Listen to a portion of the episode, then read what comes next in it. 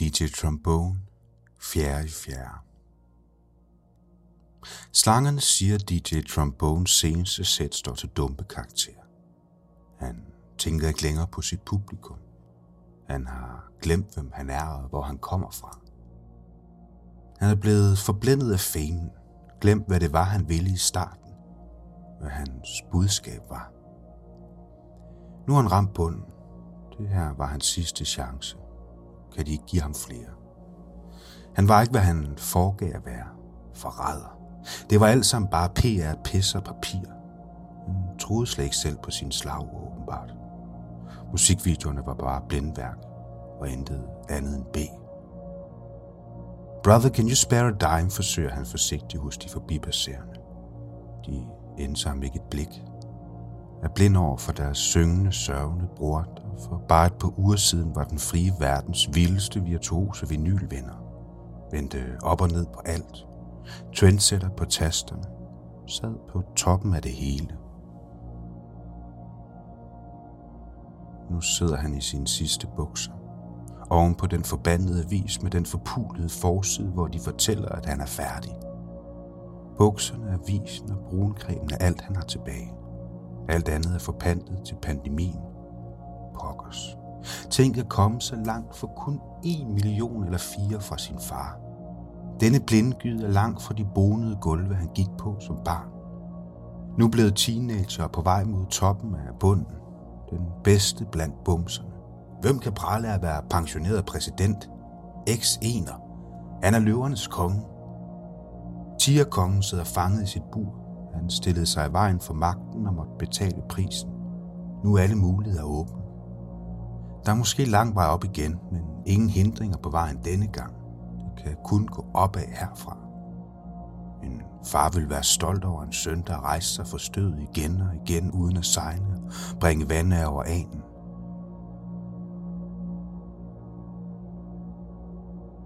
Aberne var virkelig noget langt, tænkte de for Langt længere, end de havde troet. Tur frygte. Det var alt sammen meget sjovt, men nu synes det også en smule sørgeligt i længden. Det var som om, at de sad fast i den sølle sorg. Som om, at de ikke kunne slippe sølet og slippe fri.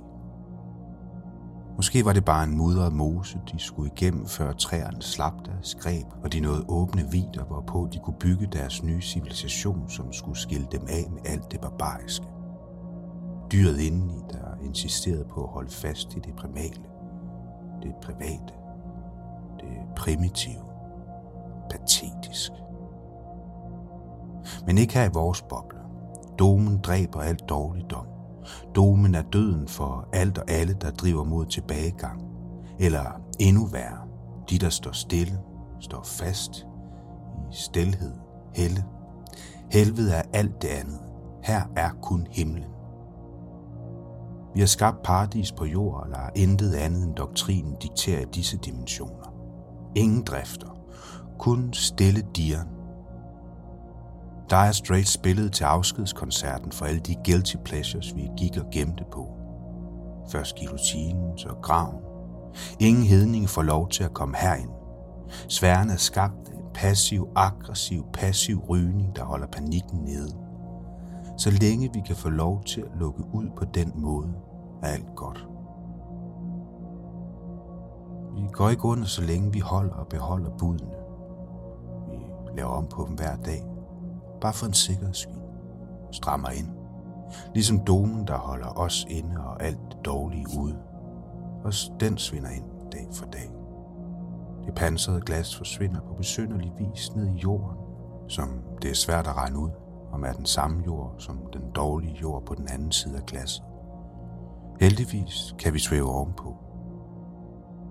Domen svinder ind, og hver dag bliver der mindre og mindre af det gode. De siger, at det er det dårlige skyld. Det er den, der tager pladsen fra alt det gode.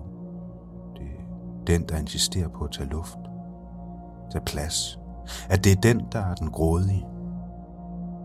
Men alligevel så virker det som om, at domen driver ned mod jorden.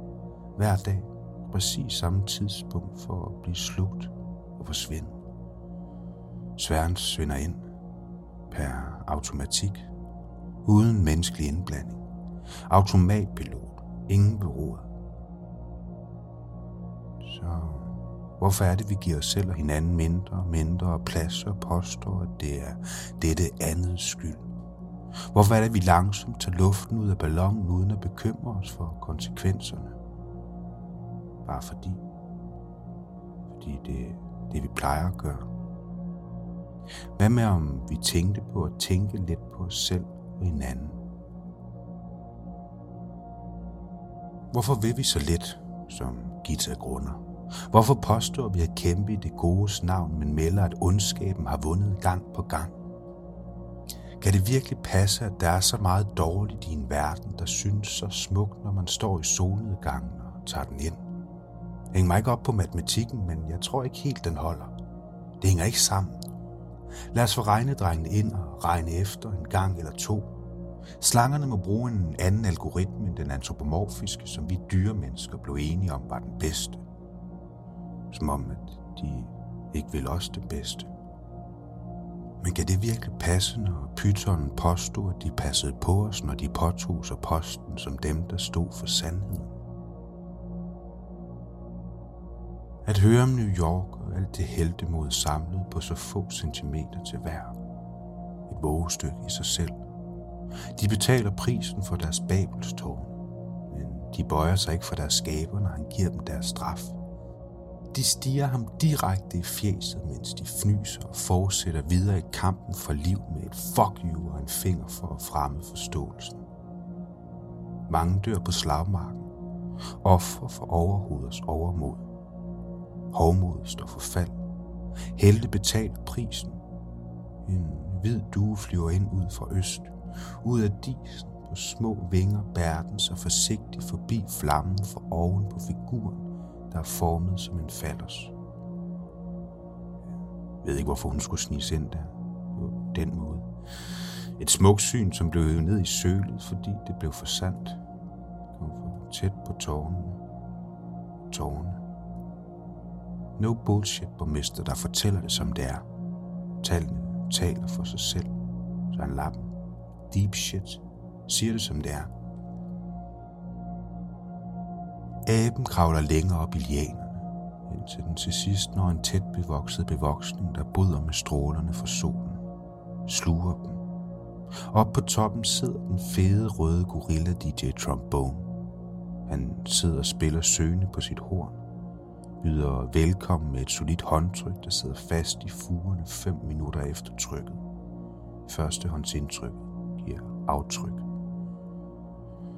Herfra kan man se det hele. Virvaret af vanvid. Et smukt syn, når man får det hele lidt på afstand. En til tider lidt brutal leg.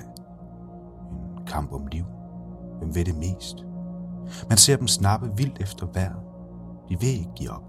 De bliver ved bliver ved. Er slet ikke til at stoppe. Lige meget hvad man smider ned i hovedet på dem, så holder de aldrig op. Selv mango kan de lave om til et morvåben. Meget brutale. Men når man ser det herfra, så giver det på en måde mening. Det gør det ikke smukkere, men på en måde sandere. Om de bare gør, som de bør. Om at det er dumt at stille spørgsmålstegn ved spøgen. Sådan lad være. Vender sig i stedet mod kongen af primaterne, den frie lejs leder. Hvad har du tænkt dig at gøre ved vanvid, der er sædet ind i deres sind, spørger han fortørnet. Du stiller de forkerte spørgsmål, siger han roligt, uden at fjerne blikket fra masse vanvid, der myldrer rundt under den okkergule dammsky, der ligger som et tungt tæppe af flydende tjære. Tilbage på jorden er de begyndt at blive trætte. De fortsætter kampen, men mister stille besindelsen. Bevidstheden bestemmer sig for at flyve ud og søge svar andet sted. Kroppen fortsætter kampen ufortrøden, mens kredsen forlader kraniet. De store mundvige mister med et alt deres kraft og falder tungt på hver sin side af det tunge ansigt. Tvær det ud til en tungsindig grimasse, det ikke er til at gemme sig bag. Abekatten smider sig tungt i sin trone af blade. De blæser ud, væk under ham. Det var den leg. Pokkers os.